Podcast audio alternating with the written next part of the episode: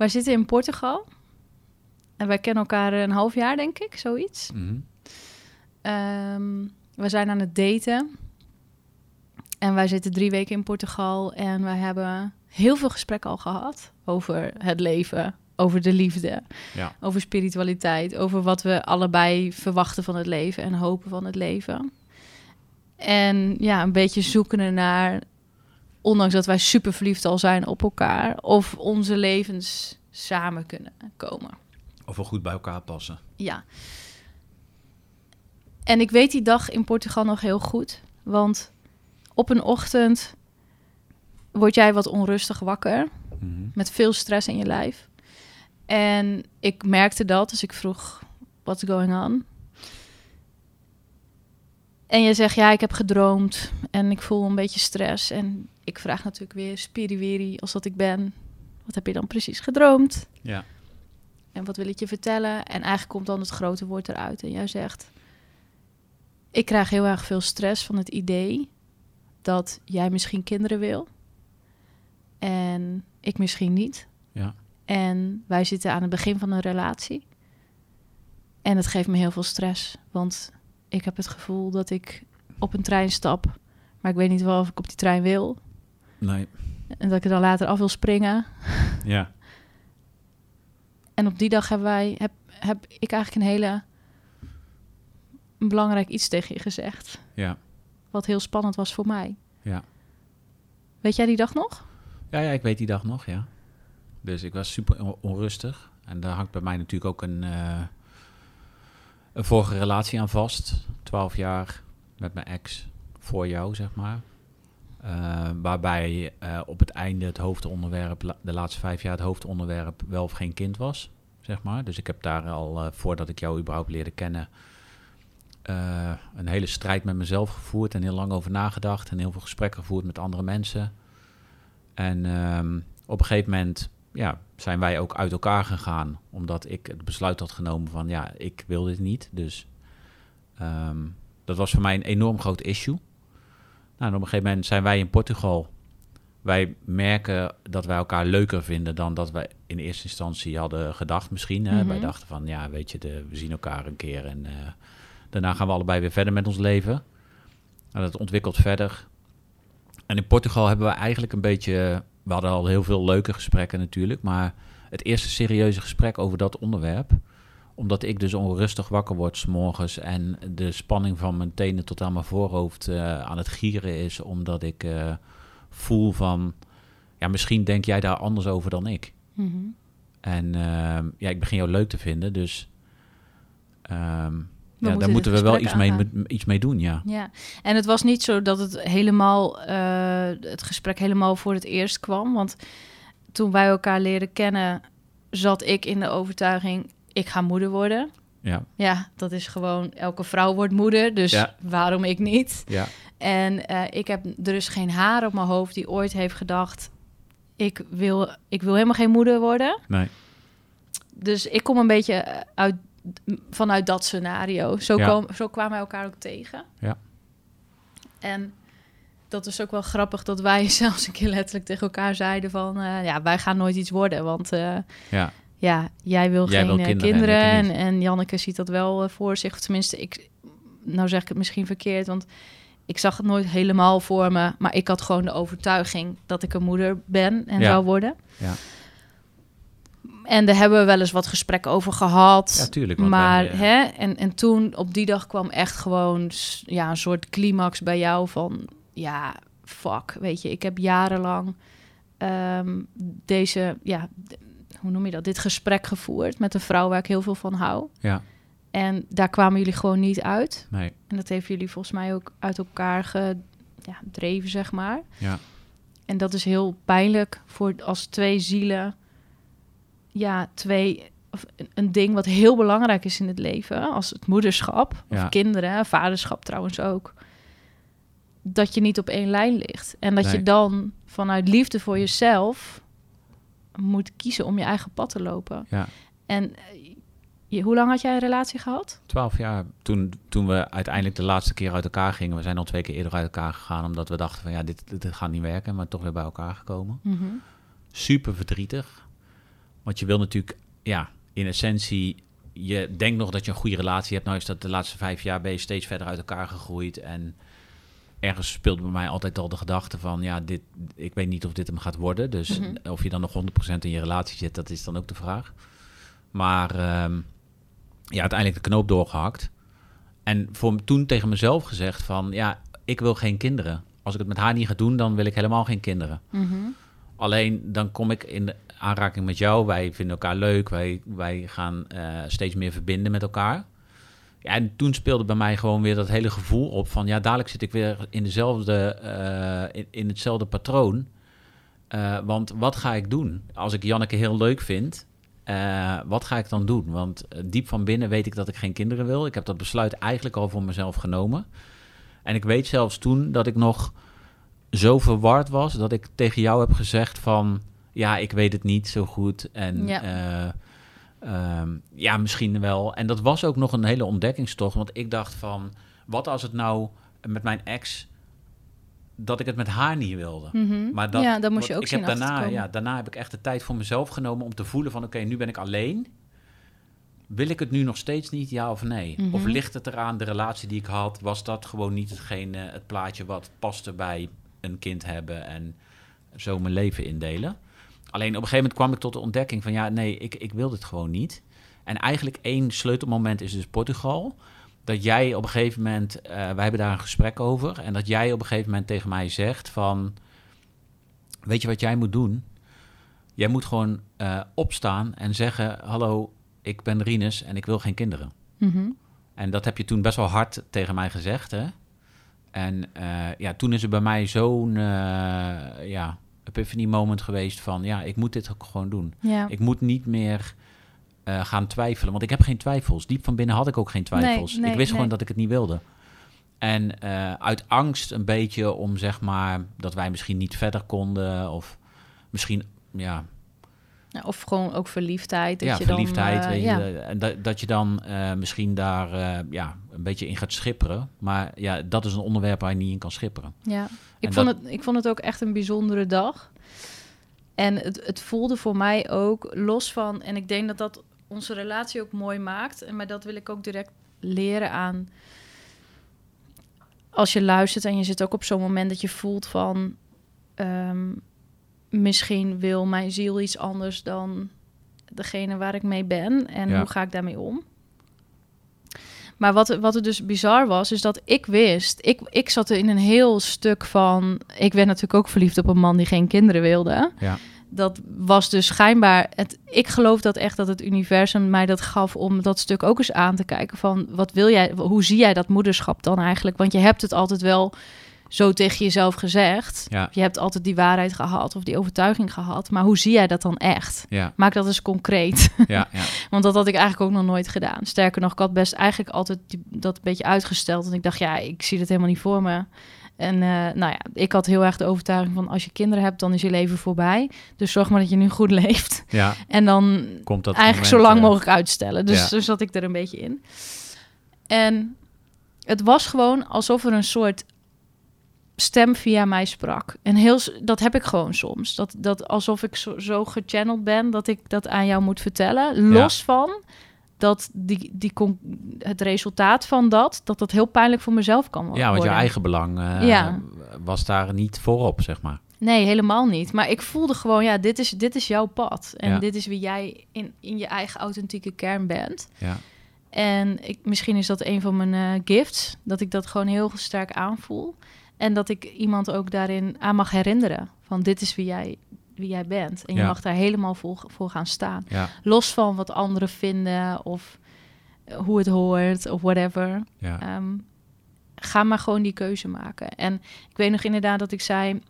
start gewoon vandaag met jezelf voor te stellen... als ik heet Rinus en ik wil geen kinderen. Hè, bij wijze van, dat hoef je niet te doen in de nee. supermarkt. Ik Maar ik bedoelde meer van, stap in die identiteit. Ja, Want die is wie jij nu wil zijn, de- Ja. die identiteit. Want als je dat gaat doen, als je meer gaat zijn wie jij wil zijn... dan trek je ook niet vrouwen aan die heel graag kinderen willen. ja, Want je bent heel duidelijk in wie je bent. ja, zeker. En toen zei jij direct... Ja, maar hoe gaat het dan met ons verder? Ja, Want ja, eh, jij, jij weet het nog niet echt helemaal. Je, je bent een beetje in de war omdat je mij hebt leren kennen. En ik zat inderdaad toen ook in een heel proces. En jij zei, ik weet dat nog, dat jij toen zei... Ja, maar eh, dan moet jij daar ook wel over gaan nadenken of jij dat nog wil. Want Ja. als jij die keuze... eh, ja, jij moet die keuze ook gaan maken. Want anders kunnen wij niet samen verder. En Nee. jij, jij zei van... Als ik dan ehm, wel verder ga met investeren in ons... en jij komt er over vijf jaar achter... dat je toch in één keer kinderen wil... ja, dat, als ik, ik wil dat eigenlijk liever nu al weten... want dan ga ik niet verder. Ja. Weet je nog dat je dat zei? ja, ja, zeker. Maar dat was voor mij ook een heel belangrijk issue. Ja. En dat komt, er, eh, dat komt omdat ik heb zeg maar bij mijn relatie met mijn eh, vorige partner... heb ik vijf jaar lang eh, op het einde nog, nog steeds geïnvesteerd in die relatie. Terwijl ik voelde in mijn onderbuik dat dat, dat, dat hem niet werd. En dat kun je zien als tijdverspilling. Ik zie dat dan niet als tijdverspilling. Ik zie dat als een proces wat ik ook door moest maken om er uiteindelijk achter te komen dat ik eh, ja, tot het besluit kom dat ik geen vader word of dat ik geen kinderen wil. Ehm, dus ik zie dat niet als verloren tijd. Eh, ik zou iedereen aanraden die met dit issue zit, één tipje dan. Als je dat onderbuikgevoel hebt, probeer zo snel mogelijk bij jezelf na te gaan of eh, dat klopt of niet. En dat kan super lastig zijn als je in een relatie zit. Maar ehm, ben zo snel mogelijk duidelijk naar de ander. Naar jezelf en naar de ander. Mhm. Want het gaat je gewoon een he- heleboel eh, ja, tijd besparen als je dat besluit voor jezelf duidelijk... verdriet ook, ja, en verdriet. Ja, Nou ja, ja. kijk, als, ik, als, je vijf jaar eerder uit elkaar was gegaan, dan had ik ook verdriet gehad. Eh, maar dan had ik wel vijf jaar langer gehad en nu heb ik vijf jaar lang stress gehad. Ja, Dus, ja, eh, ja, ja, ja. Vijf jaar lang om te helen en andere dingen in mijn leven te doen, dan in plaats van vijf jaar stress. En nogmaals, ik heb er geen spijt van dat ik het zo heb gedaan. Maar ik zou wel adviseren om, eh, als je die twijfels hebt en zo'n onderbuikgevoel hebt, om daar echt met jezelf mee aan de slag te gaan. Want daar ben ik misschien, dat heb ik te laat gedaan. En wat heb jij gedaan om te onderzoeken... ehm, om die twijfels zeg maar te toetsen bij jezelf? Ja.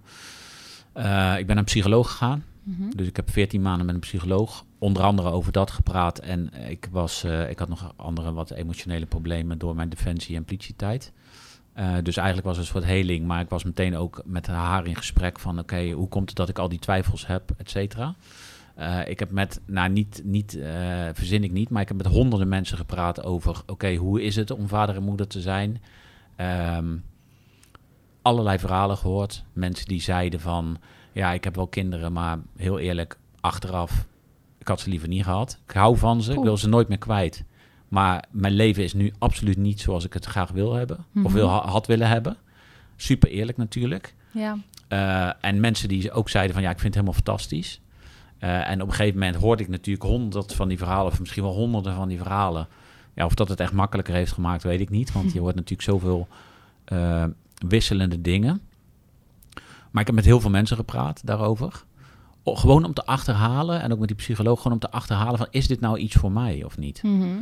En waar ik uiteindelijk tot de conclusie ben gekomen is dat ik heel erg moest eh, kijken naar wat zijn mijn kernwaarden? Wat, wat vind ik nou belangrijk in het leven?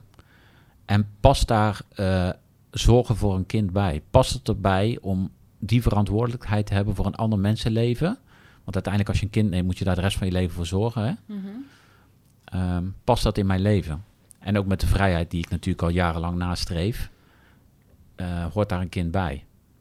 Past daar een kind bij? Nou, uite- uiteindelijk ben ik tot de conclusie gekomen dat dat het niet voor mij is. Mhm. Alleen toen kwam ik jou tegen. En toen moest jij nog eh, voor jezelf een proces ondergaan om te ontdekken van oké, ik vind nu iemand leuk. Die zegt heel duidelijk, wil geen kinderen. Wat wil ik daar nou mee? Ja. En hoe is dat toen En- voor jou eh, gegaan? Wat ik toen, wa- wat ik, waar ik zo blij mee ben, en ik weet ook niet hoe dat kwam, want het was alsof er gewoon een, iets door mij heen stroomde die mij die kracht gaf. Is jij zat dus even met, ja, dan moet jij daar ook een keuze over gaan maken. Ja. En toen voelde ik heel sterk van, dat is inderdaad mijn proces. Ja. En ik zal je steunen in jouw proces. Ehm, maar ik voelde gewoon heel duidelijk, dat is niet iets wat ik met mijn hoofd kan beslissen. Of kan tegen jou kan zeggen, nou is goed, ik ga erover nadenken. En over twee maanden heb ik een antwoord voor je. Ja. Ik voelde aan alles van, ja, zo gaat het niet worden. En eigenlijk wat ik toen heel duidelijk aan jou heb gezegd... ook al was dat misschien ook niet het antwoord wat jij misschien wilde horen... Maar ik zei toen, weet je, ik ben daar nog niet over uit. Ik kan dat niet met mijn hoofd bedenken of ik wel of geen kinderen wil. Dat is echt, dat werkt niet voor mij. Zo, zo past niet bij mij als persoon. Maar wat ik ga doen is, ik ga nu in het scenario leven dat ik geen kinderen zou krijgen, geen fysieke kinderen zou krijgen. Ja. Ik ga dus in het scenario leven dat ik met jou ben en geen kinderen ga krijgen. En ik ga voelen hoe dat voelt. Ja. En als er een moment komt dat ik s'nachts huilend wakker word, of dat ik in één keer stress voel van oh shit, wat heb ik gedaan? Of in één keer een, een, een steek in mijn buik voel van verdriet, of iets waarbij mijn lichaam aangeeft, Janneke, dit is de verkeerde kant op, Mhm. dan weet ik het antwoord. Ja. En we zijn twee jaar later, maar ik heb dit nog nooit gehad. Nee, maar eh, er zijn wel twijfelmomenten geweest. Zeker, zeker. En je hebt ook verdriet gehad. Ja, zeker. En je hebt, eh, denk ik, qua healing een heel proces door moeten maken. Je moet zelf weten wat je deelt en niet. Maar Mhm. je hebt door, qua healing een heel proces doorgemaakt om zeg maar tot het punt te komen van... hey, het is prima. En eh, ik denk dat dat iets is wat ik al heb gezegd zonder dat ik jou überhaupt kende. Maar Mhm. ik zei altijd, ik heb liever een leuk leven met een hele fijne partner... dan dat ik per se kinderen heb, omdat de maatschappij dat van me verwacht... of dat mijn ouders dat graag willen of wat dan ook. Ik denk dat jij dat ook Mhm. op een gegeven moment ontdekt hebt. Van Ja. ja, wat is nou belangrijk? Ehm, hoe Ja, is ik dat denk dat gegaan? Ik denk dat stukje was het eigenlijk het achteraf al het eerste besef dat ik al zei daarvoor. Ik weet nog een moment dat ik, mm, een poos daarvoor, toen ik nog single was, dat ehm mijn, een- ik heb twee broertjes, beide hebben kinderen. Ik heb heel veel neefjes en nichtjes, super blij mee. Ja. En een van mijn broertjes die vertelde toen op die dag van we zijn zwanger. En ik had die dag, had ik gewoon een off day. Ik was gewoon verdrietig. Om heel iets anders. Volgens mij had ik eh, een of andere scharrel die eh, me, weet ik veel, die iets had gedaan waar ik verdrietig om was. Dus het ging om iets heel anders. Mhm.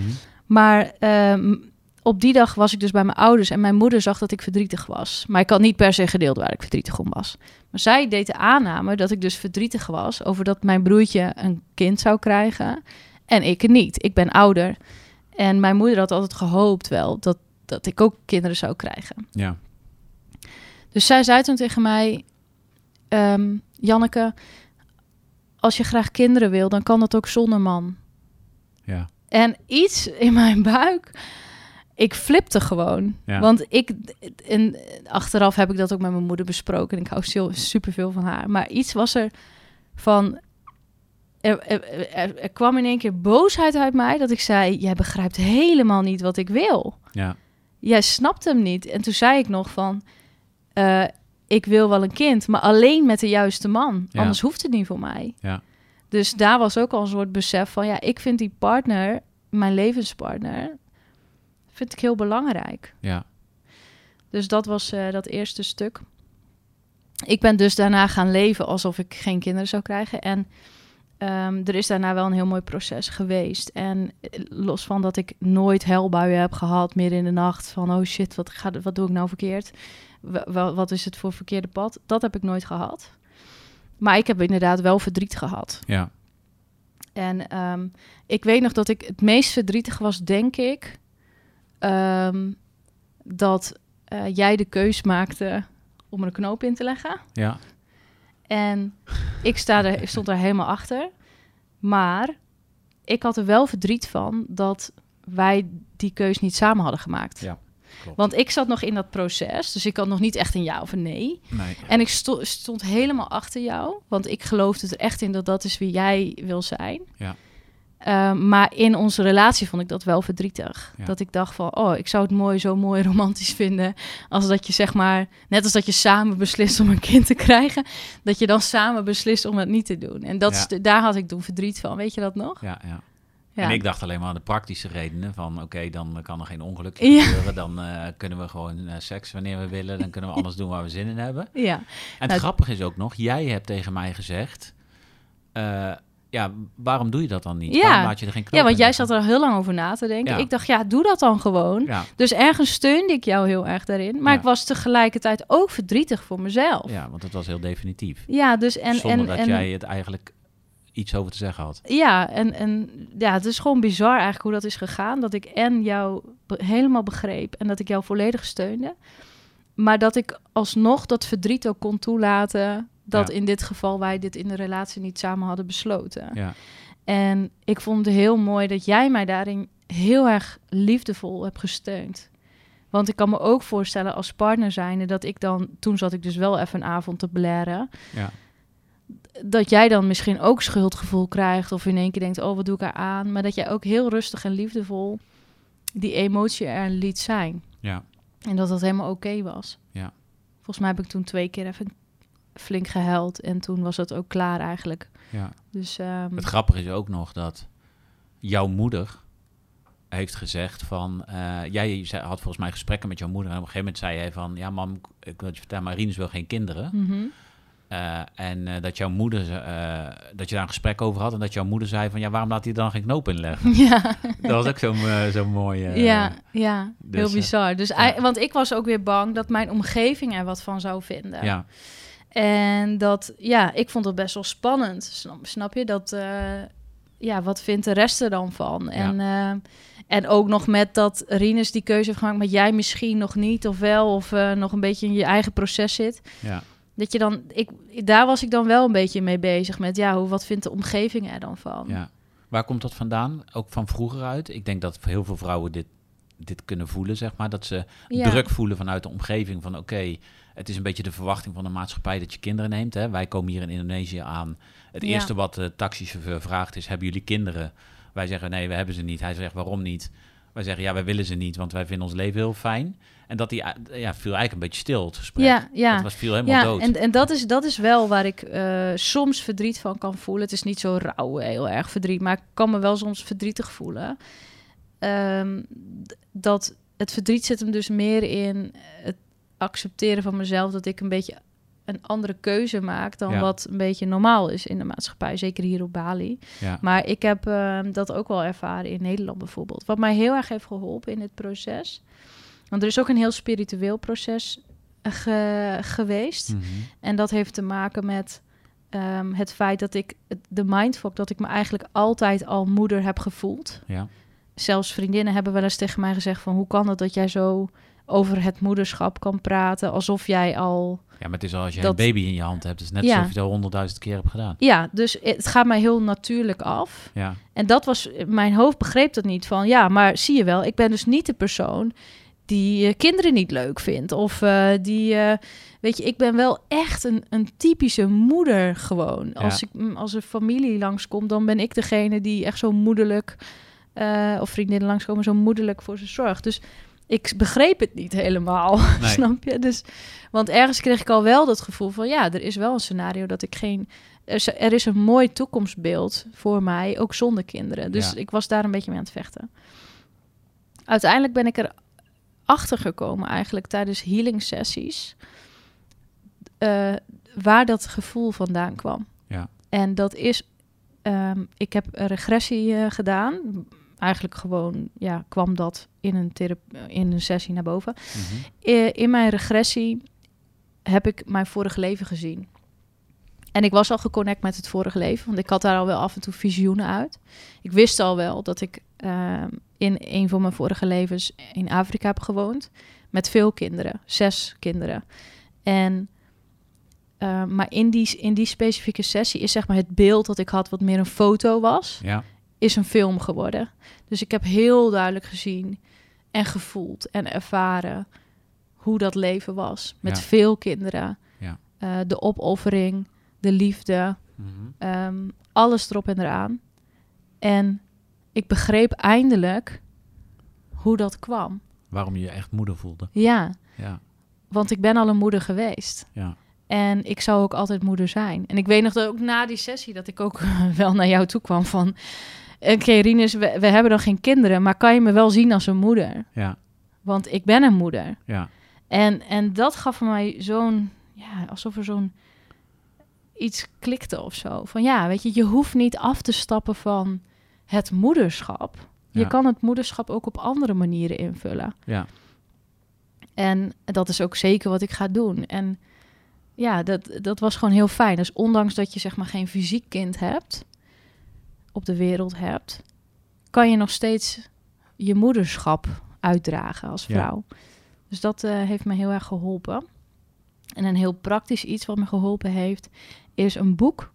En dat boek heet Echte vrouwen krijgen een kind. En dat gaat over een, een, een dame die heeft het geschreven, die, die zelf ook in de, in de strijd zat van wil ik nou wel of geen moeder worden. En uiteindelijk, volgens mij, Lukt het ehm, niet. lukte het niet. En moest zij dus ja, eigenlijk leren accepteren dat, dat zij geen moeder zou worden. En ze, ze schrijft ook over andere verhalen van andere vrouwen. Want er zijn heel veel vrouwen die zijn bewust geen moeder. Mhm. Of ja, doordat het gewoon echt niet lukt of niet kon, of er niet van is gekomen. Er is ook een hele grote groep. Waarbij het dus een beetje vaag is, een beetje Ja. zoals ik. Ja, ja. Dat het dus gewoon niet ervan is gekomen. Omdat het leven anders liep of omdat het leven zo liep. ja. En dat is ook oké. En die, eigenlijk in Nederland is dat best wel toch, omdat ik merk dat nu nog meer, omdat ik in de stories op Instagram er af en toe over praat, dat ik daar zoveel reacties op krijg van vrouwen die zich hierin herkennen, in dit stuk. En ik merk dat er best wel weinig over gepraat wordt. ja, En dat het eigenlijk eh, heel normaal is als je moeder bent. ja. En dan, dan ben je zeg maar een soort van Nou, je bent een, geaccepteerd of een soort zo. een beetje raar als je geen moeder bent. Ja, en er is best wel een beeld bij. Dus Ja. van, oh ja, dan vind je kinderen niet leuk. Of dan eh, woon je op zes hoog met uh, Terwijl 60 wij katten. kinderen allebei heel leuk vinden. Ja, superleuk. Dus wij, ik probeer hierin echt mijn eigen moederschapsrol in te vinden. Of mijn, mijn vorm van moederschap te vinden in dit leven. Ja. Eh, en ik hoop daarmee ook andere vrouwen daarmee te kunnen inspireren. Dus eh, praktisch heeft dat boek mij enorm geholpen. Ook door dus gewoon heel erg eh, te voelen van... Het is niet zwart of wit. Nee. Het is niet ja of nee. Je, je mag gewoon voelen wat jij wil. En ja, gewoon zijn wie je wil zijn. Ja. Nog twee vragen. Eén is, hoe heeft je omgeving uiteindelijk gereageerd? Want er zijn nu best wel veel mensen die weten dat je geen moeder zal worden en ook geen moeder wil zijn. Je, ja, je voelt je al een moeder, maar Ja, niet een- ja je dus gaat dat geen, stukje... Dat, je gaat dit ja. leven geen fysieke kinderen krijgen. Ja, dat is het, ja. Ja, Ja. Ehm, ja, eigenlijk heel relaxed. ja, Eigenlijk vindt niemand er wat van. Of ze zeggen het niet, dan is het ook oké. ja, Maar eigenlijk heb ik, ehm, ik heb me nog niet echt in mijn omgeving of in mijn familie of bij vrienden echt moeten verantwoorden of zo. Nee. Ik heb wel bijvoorbeeld een hele leuke gesprekken met mijn schoonzusje laatst. En toen hadden we het daar wel over. Toen zei ze, ja, ik, ik ben echt... ik- zij, zij is echt een eh, moeder, moeder. Ze zegt, ik ben ook echt in het leven, in dit leven om moeder te worden. Om, ja, o- en, en ik zei, ja, ik zie dat ook. En ik vind dat zo mooi. Dat past ook helemaal bij je. ja, En, ehm, en ik vind het helemaal tof. En, en weet je, dus we hebben daar wel leuke gesprekken over. Het is niet dat ik me moet verantwoorden of zo. Of Nee. dat ik. eh, nee, ik heb dat af en toe dan soms even laatst in de taxi op Bali. Dat ze dan direct vragen: hebben jullie kinderen? En waar zijn jullie kinderen dan? En hoe oud zijn jullie dan? Waarom Willen jullie je dan geen niet? kinderen? En waarom heb je die niet? Dat, dat vind ik dan soms wel een beetje lastig. Dat ik denk: ja, hallo. ehm, ben ik dan geen identiteit ja. als ik geen kinderen heb of zo? Dus eh, daar zit het hem denk ik meer in. Mhm. Ehm, ja, en wat was je andere vraag? Nou, mijn laatste was dus, hoe voelt het nu eh, dat, je, dat je weet dat je geen fysieke kinderen gaat krijgen dit leven, maar gewoon, eh, zeg maar, een ander leven wil gaan leiden zoals je nu wil? Hoe zie je dat voor je? Ehm, het voelt heel, heel fijn rustig. Ik weet nog dat ik op een gegeven moment ook, terwijl ik in dat scenario zat, heel veel vrijheid ervaarde in één keer. Heel erg voelde van, wauw, de Ja. wereld ligt voor me open. Mhm. En we hoeven. ehm, daarvoor had ik altijd nog van, oh, je moet eh, geld verdienen, want je moet een huis kopen. Want als je dan een relatie krijgt, dan kan je kinderen en dan heb je een basis. En weet je, heel erg dat. Ja. En nu dacht ik, ja, fuck it. Al kopen de komende vijf jaar geen huis, Ja. dan eh, lekker niet. Nee. En, dan, en dan doen we dat over dan wel. Dus het is veel relaxter, voelt Ja. het. Er zit geen druk op. Het voelt bijna, ja, echt heel bizar dat ik zeg maar een langer leven heb, Ja. zoiets. Ja. Maar dat heeft misschien met mijn eigen overtuigingen te maken. Dus, en ik weet Nou ook ja, nog... dat is niet alleen jouw overtuiging. Ik denk dat heel veel mensen denken, ja, zodra ik kinderen neem, dan is in ieder geval een bepaald deel van mijn leven is voorbij. Ja, nou ja. En dat, Ja, en dat is nu, ook oké, heb je, hè? Die druk is er niet. Ja, Ja, nee, tuurlijk. ja. Ja, er zijn ook mensen die gewoon eh, ouder eh, moeten zijn en moeten worden. En eh, wat, wij hebben daar ook verder geen oordeel over. Ja, Alleen wij, wij willen het toevallig niet. nee, Alleen, in dit leven niet. nee. En, en, en het leuke is dat dus die vrijheid die ik letterlijk ervaarde, die heb ik in een soort van eh visioenachtig iets gezien voordat ik jou leerde kennen. Toen was ik rond de 30. Toen was ik single en ik was eigenlijk helemaal met de verkeerde intenties aan het daten. Ik was aan het daten met intenties van, gaat dit de vader van mijn kinderen worden? Ja, Ehm, waardoor ik eigenlijk helemaal niet genoot van het daten. nee. Want ik was de hele tijd daarmee bezig in mijn hoofd. En ik was helemaal niet relaxed. Ik was helemaal niet echt aan het voelen of dit nou een zielsverband, eh, een, een zielsconnectie kon zijn met die persoon. Maar ik was alleen maar bezig met, oh, wat voor baan heeft hij of dit of eh, Is dat. de- ja, is de goede vader. Ja, en het irriteerde me zo. Want e- elke keer liep dat dus op niks uit. Ja, En ik weet nog dat ik toen heel duidelijk een dag gewoon dacht... ja, ik ben hier zo scheidziek van, van deze manier daten met mannen. ja, En toen stond ik in de badkamer en ik keek in de spiegel en ik dacht, oké, heel raar scenario dit, Janneke. Maar ik ben gewoon nieuwsgierig naar het antwoord. Wat nou als mijn baarmoeder gewoon niet werkt? ja, Wat nou als ik helemaal geen kinderen zou krijgen? En het rare was, ik, ik heb vleesbomen gehad in mijn baarmoeder, best wel grote. Dus ik had het scenario, wat nou als die dingen zo groeien dat ze gewoon helemaal eh, Ja. de boel verpesten en ik kan geen kinderen meer krijgen. Hoe zou ik dan naar de liefde kijken?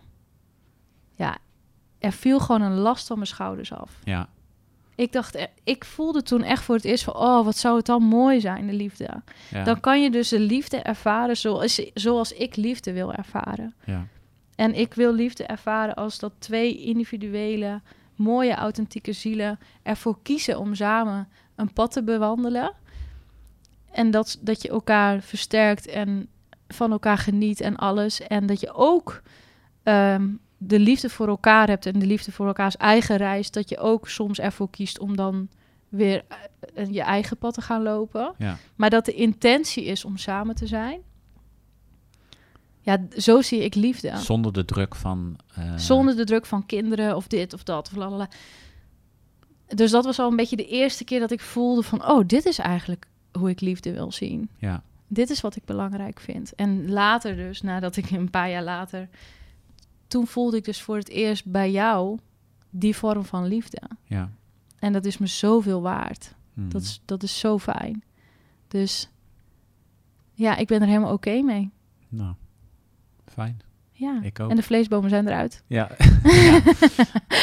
Die zijn er af een paar maanden geleden uitgehaald met een operatie. Ik heb dus een keizersnee gehad. Twee hele grote vleesbomen eruit gehaald.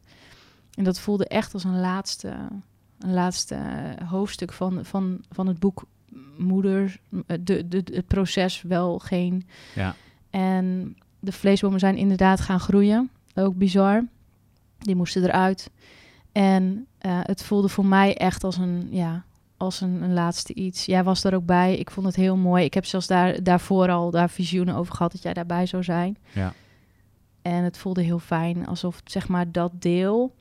En voor mij stonden die vleesbomen voor ook eh, vorige levens en verdriet om kinderen. Ehm, het verdriet om kinderen die ik in het vorige leven heb gehad, maar die ik niet alles kon geven. En ik ga daar nu niet helemaal te lang bij stilstaan, dan wordt het te lang. ja. Maar daar zat heel veel emotionele lading aan rondom moeders, moeder zijn, mhm. kinderen. En, en die zijn eruit. En dat heeft me zoveel rust ook gegeven. Zoveel meer vrijheid weer. Ook in mijn lichaam letterlijk. Ja, Dat, het, ehm, dat ik helemaal oké ben met dit. ja, Ja. fijn. Dankjewel voor het ja, best luisteren. wel eh, beladen onderwerp natuurlijk. En ik Ja, denk een dat heel veel luisteraars, eh, met name vrouwen of misschien ook wel mannen die zich kunnen relateren aan mijn verhaal, hier wel mee struggelen. Mhm. En eh, daarom, denk daarom is het mooi dat we dit delen, ja. Ja, dankjewel dat je dit ook met mij wil delen. Ja, Jij vanuit de, de man, vader en ik vanuit de vrouw, moeder. ja, Dankjewel voor het luisteren. Laat het vooral even weten wat je ervan vond. Ehm, deel het in de DM of ergens anders. En eh, anders tot de volgende keer.